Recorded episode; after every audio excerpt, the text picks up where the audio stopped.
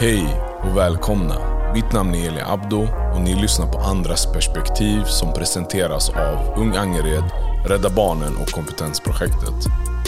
I första avsnittet fick ni lyssna på Kompetensprojektet där man berättade lite mer om hur man fick in ungdomar i sysselsättningar.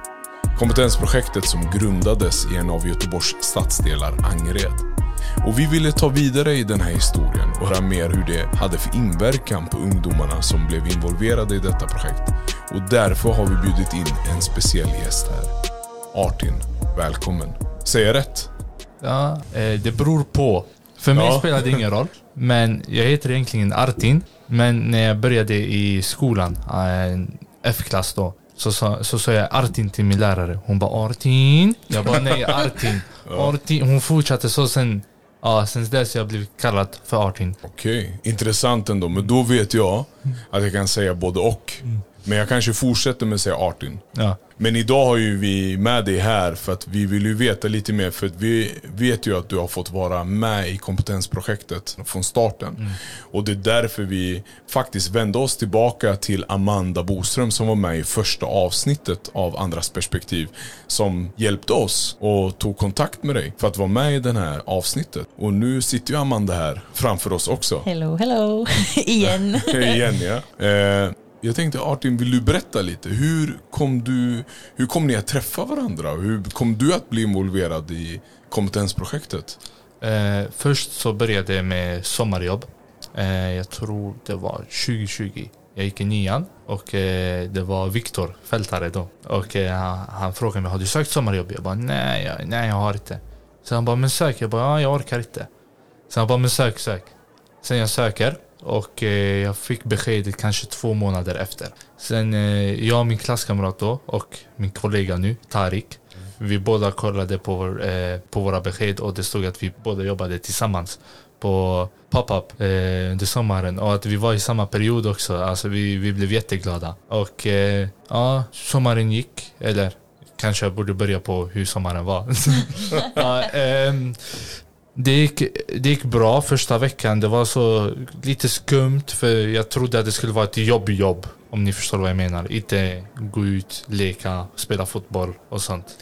För om du beskriver, vad innebär de här lekarna för de som lyssnar? För det är lite grann så här, för du fick vara med på sommaren. Ja. Du var med i pop-up då. Ja. Tillsammans med din vän Tark. Ja. Okej. Och vad innebar det här? Vart är vi någonstans? Var befinner vi oss? Vi är i Angered. Och eh, första dagen var i Kulturatom. Okej. Där vi hade en sån tråkig introduktionsdag. Vad säger Amanda om det här? Ja. Tråkig, och den var rolig men det var sån introdu... Alltså, Teoretiskt Exakt. lagd. Ja. det, det är samma som skolan. Samma som skolan. Ja, Du är mer praktiskt lagd. ja man säga. 100 procent. Okej. Eh, sen eh, de första dagarna, om jag minns rätt, var i Hjällbo. Och jag är uppvuxen i Hjällbo, så det var extremt roligt att få jobba där. Och eh, det var roligt att lära känna nytt folk. För jag har alltid varit i samma cirkel, samma skola sen jag var en liten och eh, samma basketlag sen jag också var en liten så det var roligt att lära känna nytt folk. Sen att få ansvaret och kanske starta upp en lek. En lek kan vara fotboll till exempel. Ute med barnen på sommaren. Det finns inget roligare. I mitt huvud jag tänkte, fan vad sjukt. Jag får betalt av att spela fotboll med barnen. Så det var extremt roligt. Sen eh, efter dessa tre veckor så kände jag alltså jag hade en grund att stå på. Jag kände, jag kände mig lite mer mognare. Eftersom jag hade lärt mig att ta lite ansvar och så vidare. Och eh, efter dessa tre veckor hade jag sommarlov. Ehm, och sen jag tror det var runt augusti, september-ish. Där jag fick ett samtal av eh, Darvan. Och eh, han bara Hej Artin, vill, vill du jobba? Jag bara vadå jobba? Han bara ah, vi ska starta ett projekt, do it, ledare. Vill du jobba? Jag bara okej. Och det var helt plötsligt, han ringde mig medan jag hade min lunch. Så det var sån, aha jag har pizza framför mig. Darvan ringer. Och vem är Darvan? Darvan, han är en kollega på Rädda Barnen. Han var min handledare under sommaren också.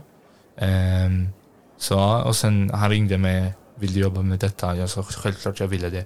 Och jag och Darvan har haft en relation innan kompetensprojektet där han jobbade på Hjällboskolan. För då gick du i nian då? Ja, nian ja, just det. exakt. Ja, ja. Nian, åttan, där någonstans jobbade han. nio, ja. Nej, jag tänkte bara för när du gick 8-9 så kände du ändå som eh, jobbade i Hjällboskolan Darvan. Mm. Eh, och sen hade du Viktor som var fältare. Ja, som du träffade på som drog med dig till att ansöka kring det här. exakt. Och få med dig på pop-up. Mm. Och det är ju ändå väldigt häftigt för att om, om vi stannar lite där bara. Vad är pop-up Amanda? Vad, hur kom det till? Bra fråga. Pop-up är ju eh, de här lovjobben som vi pratade lite om i förra eh, avsnittet faktiskt. Att vi kände att vi ville erbjuda någonting för området. Vi ville göra eh, jobb som var lätt genomförda så att man skulle bygga lite självförtroende, ha någonting att skriva på CV, men också skapa relation till våra ungdomar. Eh, och precis så som Martin berättade, då använder vi personer som redan är verksamma i området. Fältare, så som jag var, så som du var Eli. Eh, Darvan, som är jättegod förebild i området. Eh, så att de ungdomarna som kommer in och blir anställda får eh, goda förebilder som de dels knyter kontakten till men också lär sig av. Um, och ja, första sommarjobbet var 2019, då var vi väldigt få, jag tror det var 25 feriejobbare eller något sånt där. 2020 var lite fler, bland annat Tarik och, och Martin. Eh, och, och i det så, som vi nämnde sist, så Chaco gick över och jobbade för Rädda Barnen. Där startades det också en massa projekt. Så det som blev efter det var att de som var med från Rädda Barnen och såg de här grymma, grymma ungdomarna för att de hade varit på grymma, grymma teoretiska utbildningar första dagen. de, eh, de ville liksom ha mer eh, av detta och då var de så här, men de såg också stora behov. Eh, ett av dem var eh, idrottslektioner och koppling till skolan. Just. Så då skapade man Do It istället. Eh, och, och det samarbetet inledde vi då att då fick de plocka grymma feriearbetare för att anställas som aktivitetsledare på Do It.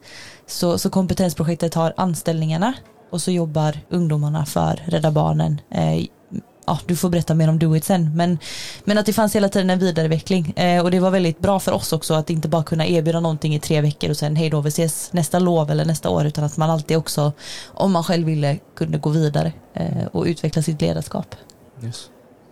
Det är ju ganska bra, för jag tänker också, då går man ju tillbaka till att du själv gick i nian när du kom in i pop-up. Och att man är med och hjälper till och man möter på andra barn. Ja. Också som kanske är yngre också dessutom, men också att någonstans där blir det också en egen mognadsprocess, en egen resa. Och, och tre veckor efter det, du sitter med en pizza berättar du. Och eh, du får ett samtal av Darvan som säger, vill du vara med? Vill vara en ledare? Mm. Hur kändes det för dig att få en sådan fråga? Först jag upplevde det som en liten chock kan man säga. För, för det första, jag såg inte det som ett jobb för det första. För jag tänkte Darvan, det här det är någon som jag skämtar med i, på rasterna i skolan. Och eh, Tarik, han är nära vän till mig. Och vi ska jobba ihop och sånt. Så det, så det var en lite som en chock. Och jag tvekade först om jag borde tacka ja eller nej. För jag Varför, tänkte, varför då? för jag har skola vid sidan och jag tränar basket. Så jag tvekade lite men jag sa ja direkt. Ehm, sen några dagar gick. Sen vi skulle ha vårt första arbetspass. Jag minns själv, jag var lite blyg av mig. Eh, projektet som jag pratar om kallas för Do It. Det är inom Rädda Barnen. Och eh, Do It är ett, inte ett projekt men vad ska man kalla det? Eh, Det, det är en grej, alltså Rädda Barnen jobbar ju på massa olika sätt. Ett av dem som är ute i lokalområden är på lika villkor, PLV som det också kallas. Där man har verksamheter i bland annat Hjällbo. Eh, en annan gren av det är meningsfull fritid. Och så som jag förstår det så är det, tillhör det meningsfull fritid. Och det är ju, eh, delar i det är att dels stärka barns rättigheter men också eh, ja, meningsfull fritid i sysselsättning efter skoltid, eh, att träffa fler vuxna efter skoltid eh, och minska oro i området. Ja, det går in i varandra lite Yes. grann. Men vad är det ni gör fysiskt på Do It? Liksom? På Do It, vi aktiverar barnen. Eh, Det är en och en halv timme efter skolan där barnen kommer. De kör kanske fotboll, badminton, vilken sport som helst. Och eh, vi har också med oss föreningar som kommer och håller i träningar kan man säga. Till exempel det kan vara någon eh, fotbollsträning och eh, där barnen verkligen får testa på att träna fotboll. Och ifall de gillar det så de känner till föreningen så de inte är blinda och tänker ah, det, jag, eh, jag är blyg, jag känner inte igen den här föreningen och så. Men eh, det är både plus för oss och plus för föreningen. För de får ju medlemmar och så man hjälps åt i området helt Exakt, enkelt. exakt. Att det blir lätt att vända sig till att är man fotbollsintresserad eller någon eller annan sportsintresse så vet man vem man ska vända sig till. För att då är det att ni samarbetar tillsammans. Ja. Och det handlar ju så som vi pratade förra veckan lite om att alla har samma rätt till, till vår stad, till Göteborg. Det att så här, fotboll, fotboll och basket finns jättemycket i Ja. Angered.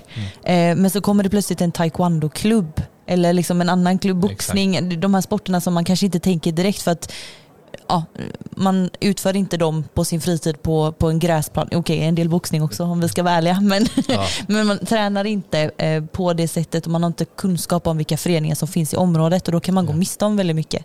Så det blir ett jätteenkelt sätt. Jag har sett ledaren, jag har fått liksom köta lite med den personen, jag trivs med den här personen. Oj, den har tydligen träningar fyra gånger i veckan som jag är välkommen på. Eh, Det blir ett mycket enklare steg. Exakt. Och som Amanda sa, det är inte bara basket och fotboll. Det är alla sorts idrotter. Och det är sådana idrotter barnen kanske inte har testat på. För det enda som finns ute är en fotbollsplan och en basketkorg. Så de kanske hittar ett nytt intresse som de är intresserade i och en hobby. Och, och eh, där med Do It är helt och hållet gratis, ingen betalningar, ingenting. Och eh, det är extremt bra, speciellt i området Angered där folk kanske inte har råd med vad är det, 1000-2000 Eh, per år och spela någon sport eller något. Men där på Doit så har vi det helt gratis för barnen. Det skapar ju många möjligheter för många för att vi alla vet ju någonstans att det är inte billigt om man har många barn i familjen att ha råd med alla aktiviteter eller sporter för den delen. För att eh, det är ju inte bara själva medlemsavgiften utan det är ju också de, den utrustning eller tillbehör man behöver oftast köpa till. Så jag kan tänka mig att många familjer i området har uppskattat era insatser. Och, och där är du eh, och har en central roll i de här insatserna. Och själv är ganska ung då, för vilket år är vi på nu när du blir ledare för Duet? Vilket Eh, år är, det är vi på då? fortfarande 2020. Det är fortfarande Men Då har du gått 2020. över från nian till ettan ändå, eller hur? Du Eh, slutat exakt. nian, börjat ettan. Ja. Och då händer det ju någonting för då är du plötsligt en rolig kille som har haft aktiviteter ute hela sommaren och som de Ja. sen träffar. Vad händer med dig i området? Jag, jag kan gå till Ica och se barn springande så bara din ja, ledare, ledare, ja, det är du från somras och sånt. Och det är extremt roligt, speciellt när man jo- jobbar runt i hela Angered. För då jag kan gå till Lövgärdet, folk, eh, barnen kommer säga ja det är du ledaren från sommaren, minns du mig, minns du mig? Och varje gång man ser ju dessa barn, man får ju ett leende. För man, de kommer med glädje och självklart när någon är glad, jag är också glad. man blir själv glad. Så det är extremt roligt. Är det jobbigt någon gång? Att ha massa kids springandes efter? Nej, jag har aldrig upplevt att det är jobbigt. Aldrig. Nej, du har större tålamod än mig, det vet vi båda två sen att vi har jobbat ihop. Men jag tänker ju också någonstans hur känslan landar. För du säger det liksom att röra sig i de här olika områdena där man har varit med och liksom bedrivit en positiv inverkan i områdena för ungdomarna, barnen och haft liksom den här rollen och där de ser då en någon person, en förebild eller vad som helst. För att det blir ju så för barn att ja, men man tenderar att titta på den personen som man har haft en positiv inverkan på. Och någonstans där tänker jag, vad händer inom dig förutom att du blir glad? Vad, får du egna tankar på eh, din alltså, egna roll och utveckling? Ja, självklart. Eh, Jag inser ju själv att jag har ett inflytande på dessa barn. Och eh, det här, det, mm, det ett år senare då. Eh, Det är nog 20, ja, 2021, något, eh, en av barnen, eh, han går i sexan. Han skulle göra nationella prov. Och eh, han skulle ha ett tal eh, där han skulle beskriva om en förebild, en, en idol han har. Det, han kunde välja Zlatan, han kunde välja sina föräldrar. Vem som helst han kunde välja. Han valde att berätta om mig. Wow. Ja, wow. Ja, ja, alltså där jag... Jag bara, ah, okej, okej, fet, fet, coolt. Och sen när jag väl kom hem, ja, jag blev tårögd för jag tänkte, abo, jag har verkligen ett stort inflytande till dessa barn. Mm. Så det, det kom lite som en chock. Och när jag typ går förbi Ica eller något, varje, varje gång jag, jag hälsar på dem och de hälsar och det, det är bara glädje. Jag, jag kan inte beskriva det, det är jätteroligt. Och det här är ju bara början också. Mm. Om vi förstår det rätt. För Ja. Det här är bara början. Så vad, vad gör du här den efter då? Du fortsätter då som ledare inom Duet. ja. Uh, hur länge kör du på? Eh, alltså i Do It så har vi bara ledare och handledare då. Eller ledare och processledare om man ska vara exakt. eh, jag fortsatte med det. Men pop-up då, det är där jag började klättra. Jag minns det var 2021. Ja, 2021. Eh, höstlovet där jag fick ta, ta på mig rollen som mentor. Och eh, det blev extremt mycket mer ansvar.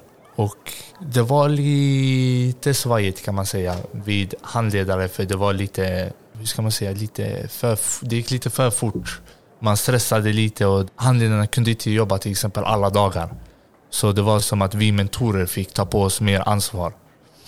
Och jag ser det som en fördel för att jag fick ta mer ansvar, jag fick eh, lära mig mer, mer erfarenhet och så. Och jag tror det var, ja, jag tror det var Chaco. Uh, de skulle ha något möte i eh, ett annat rum och, eh, där de skulle typ bedöma alla ledare. Sen han bara, ja ah, men det är lugnt, mentorerna löser det, de löser dagen. Så under hela dagen de satt i kontoret, de skrev tråkigt pappersarbete. Mm. Medan jag och mina, eh, mina andra mentorer då, eh, vi styrde upp hela dagen och allting. Vi gick in i hallen, det fanns inga handledare eller något, det var bara vi och vi löste det jätte, jättebra.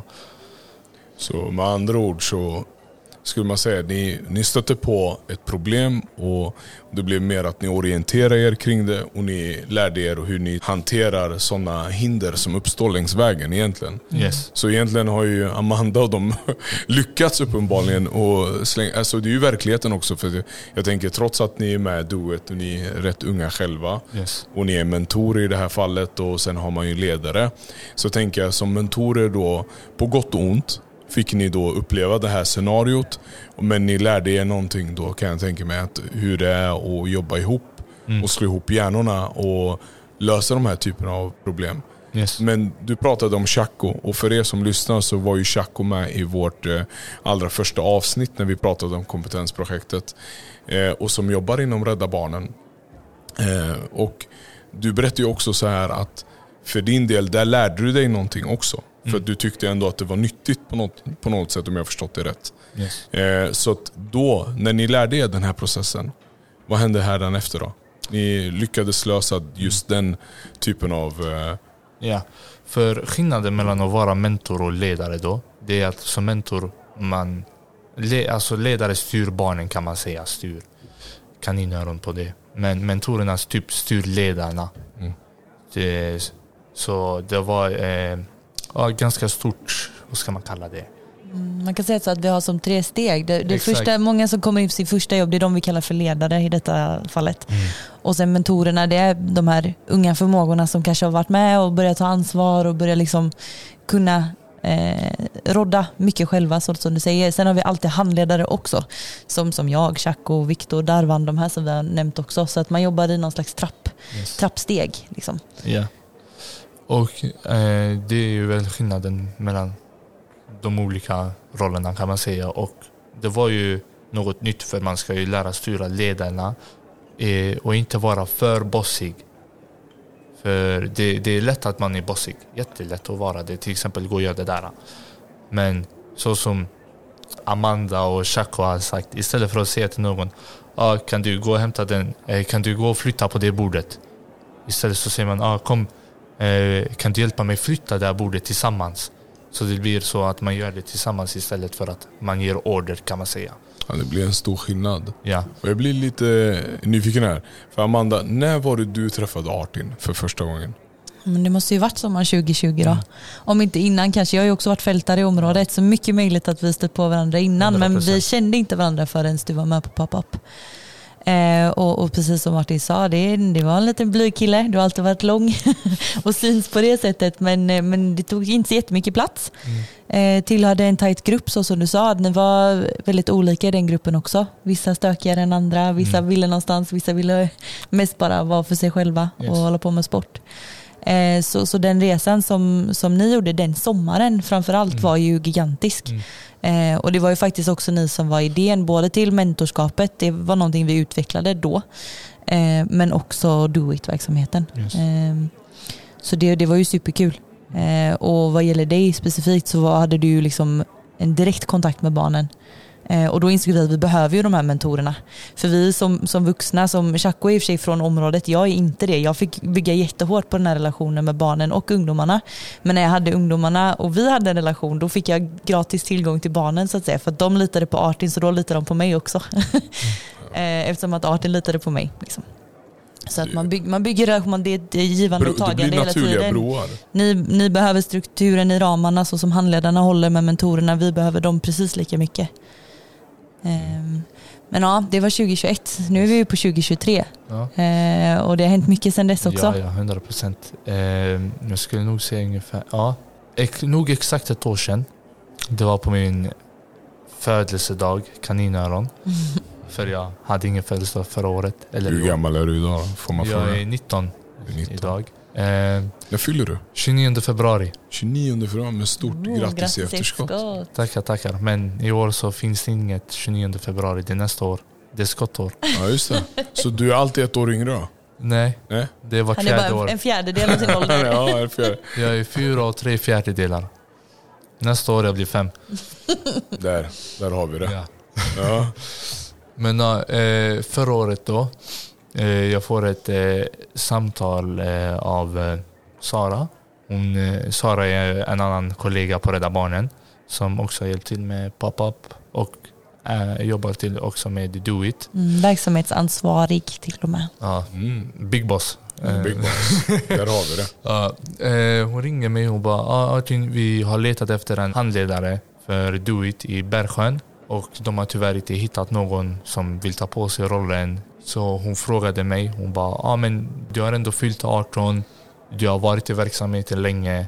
Vad tycker du om att ta rollen som handledare i Bergsjön? Först jag tackade nej, för i mitt huvud jag tänkte, ja men jag har ju också kollegor som har jobbat lika länge som mig. Varför ska just jag få rollen? Om inte alla vi får det, varför ska jag få det? Sen eh, Darwan han bara du är dum i huvudet om du inte tar rollen. han bokstavligen sa så. Han sa du är dum i huvudet, du ska ta den. Du har inget val. Jag tackar ja åt dig. så jag tackade ja.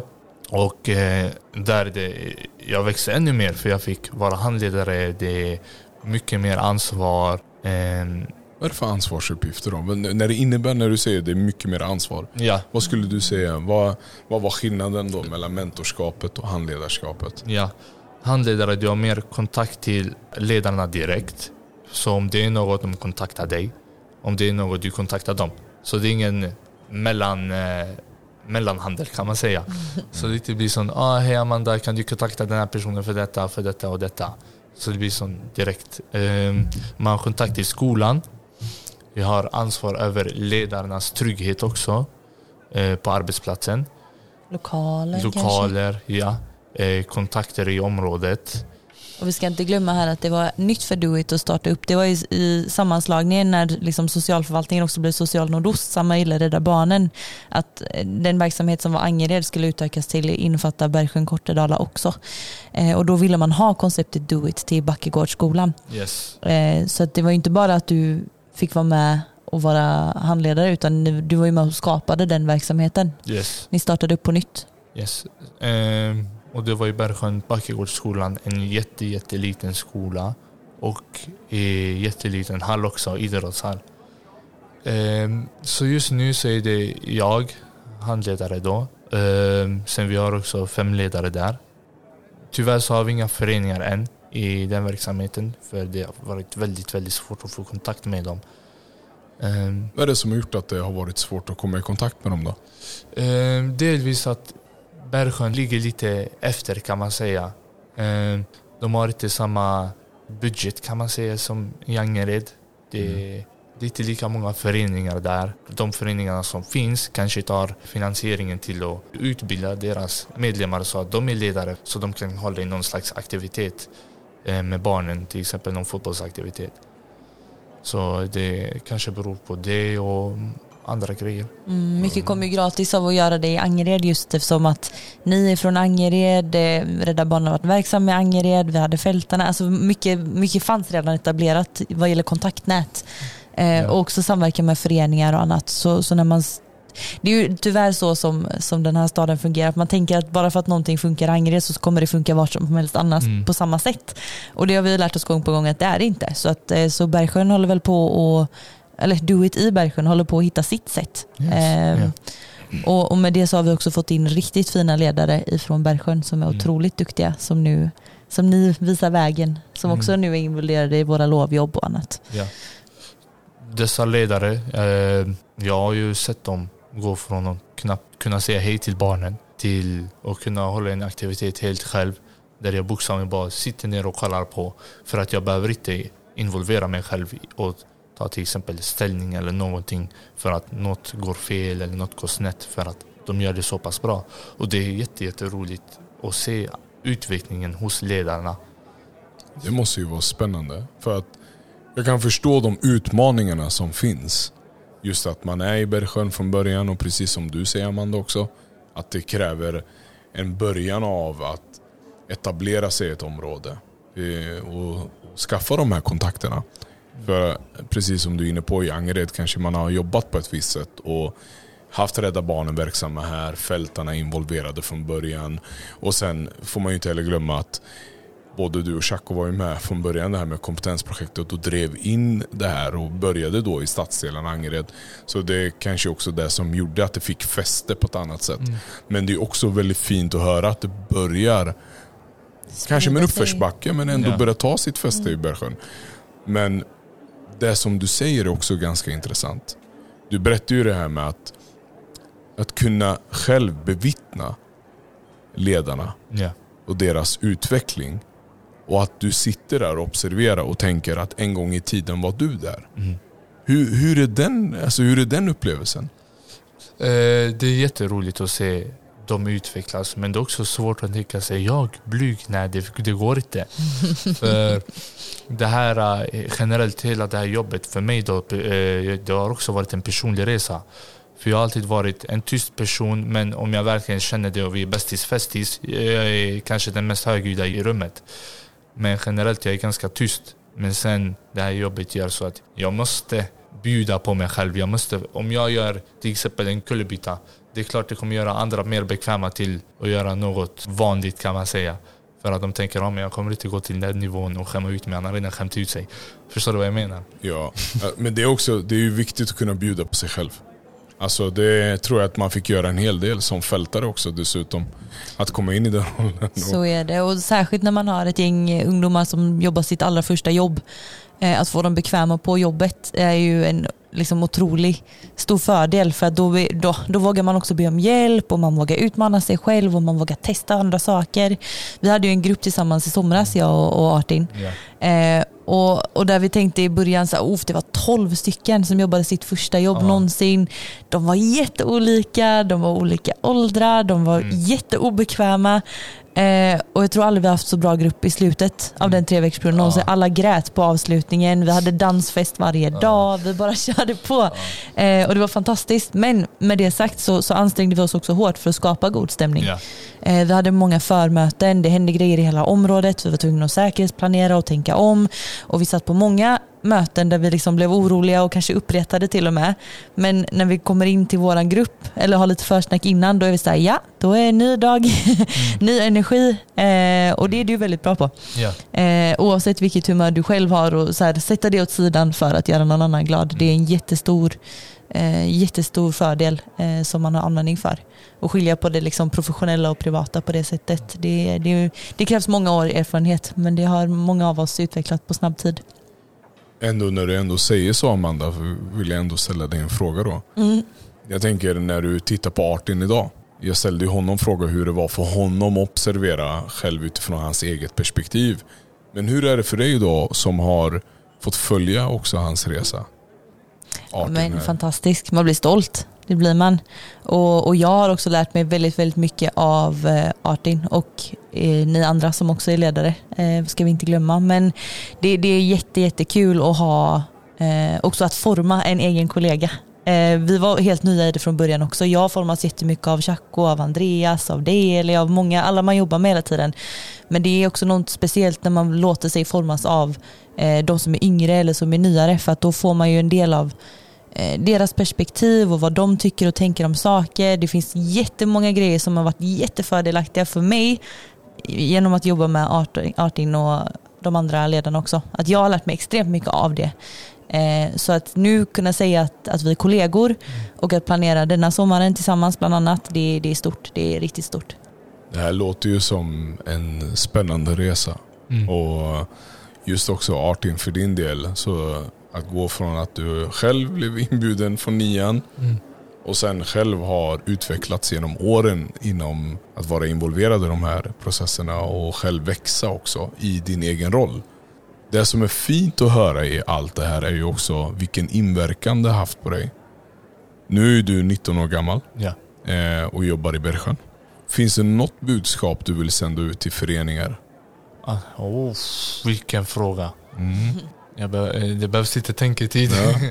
Men kanske att det kan vara bra för dem att nå ut till er? Ja, hundra procent. Och vart ni finns? Ja, vi finns. Uh, ifall ni är i behov av fler medlemmar. Mm. It är bästa, nu ska jag inte säga bästa nu, det låter som att jag marknadsför det galet. Men det, det, är ett bra sätt att nå ut till fler medlemmar. Till exempel om det är en ny fotbollsförening, kontakta oss på Do it. Mm, kontakta oss via Instagram. Enklast ni har en Instagram-profil, ja. heter det Do It? Ja, do Hur stavar ni det då? D-O-I-T. Okej. Okay. Ja. Vad står Do It för? Det står för delaktighet, ja. organisation, inkludering och trygghet. Vilket fint namn. Eh, sen har jag också givetvis varit med vissa tillfällen. Mm. Jag var på cykelverkstaden i Elbo. Just det. Kunde ingenting om cyklar ska jag säga till dig. Låga trösklar. Ja, men även jag, trots alltså liksom att jag varit i och jobbat ändå i socialt arbete några som vuxen och allt det här, fick jag också lära mig mycket om mig själv. Så jag kan bara föreställa mig hur det har varit för din egen resa mm. och för dig Amanda att se det här. Men då vill jag bara säga så här då. Då kan ju folk verkligen nå ut till doet för att det är också en positiv inverkan för barnen ute i områdena och att fler föreningar blir inkluderade i den här processen. Eh, det har varit verkligen jätteintressant att höra din resa, mm. Artin. Verkligen. Och Finns det något slutord du skulle vilja skicka från dina personliga tankar? Någonting du vill sända ut? Uh, jag kan bara säga hur detta har påverkat mig personligen. Först jag var en ganska blyg människa. Nu jag är så fort jag, jag ser en främling, jag kommer skrika äh, vad händer? uh, så det, och det här med ledare och förebild. Det har blivit typ, nu det är fastklistrat i mitt huvud.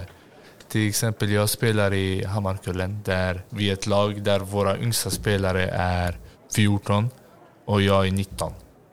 Så det har blivit så som att jag har blivit en förebild i laget. Nu det låter kanske lite som eh, hybris eller något men jag vet att jag har en påverkan på dem. För att de ser ju upp till mig. De bara Åh, det är han 18-19 år, han är gigantisk och sånt. Verkligen fint att höra. Och, och jag önskar dig all lycka till. Jag tror inte det är sista gången vi kommer se varandra. Absolut. Jag tror jag kommer höra ditt namn allt oftare. Förhoppningsvis. Och. Det är roligt att även höra din resa. Tack för att du delade med dig kring det. Och Amanda, har du några slutord du vill säga? Ja, eh, gud vad ska vi, jag önskar att jag hade någon så här fin, fin ord för pop-up också. Do it ja. har så mycket betydelse. Pop-up betyder bara ah, vi pop-up. Vi kommer hit, vi kommer hit, vi kör. Det är inte så mycket mer. Nej men just att, att eh, alla kan, alltså vill man så kan man lite sådär och, och har man folk som tar hand om en och tror på en då kan man ha ett riktigt, riktigt roligt jobb. Eh, så som du sa, där man, eh, att Darvan också, så här, jobbar han ens? Han är bara här och är rolig. Okej, okay, det får vi som fältare mycket också. Att, eh, vadå, ni går ju bara runt och pratar med folk. Ja, det är en del av det. Sen finns det mycket hårt arbete bakom också. Mm. Men är du snäll mot andra, respekterar du andra och stöttar dem så kommer det alltid komma någonting gott eh, ur det. Mm. Eh, och jag tror det blir mitt slutord. Yes. Verkligen fint sagt båda två.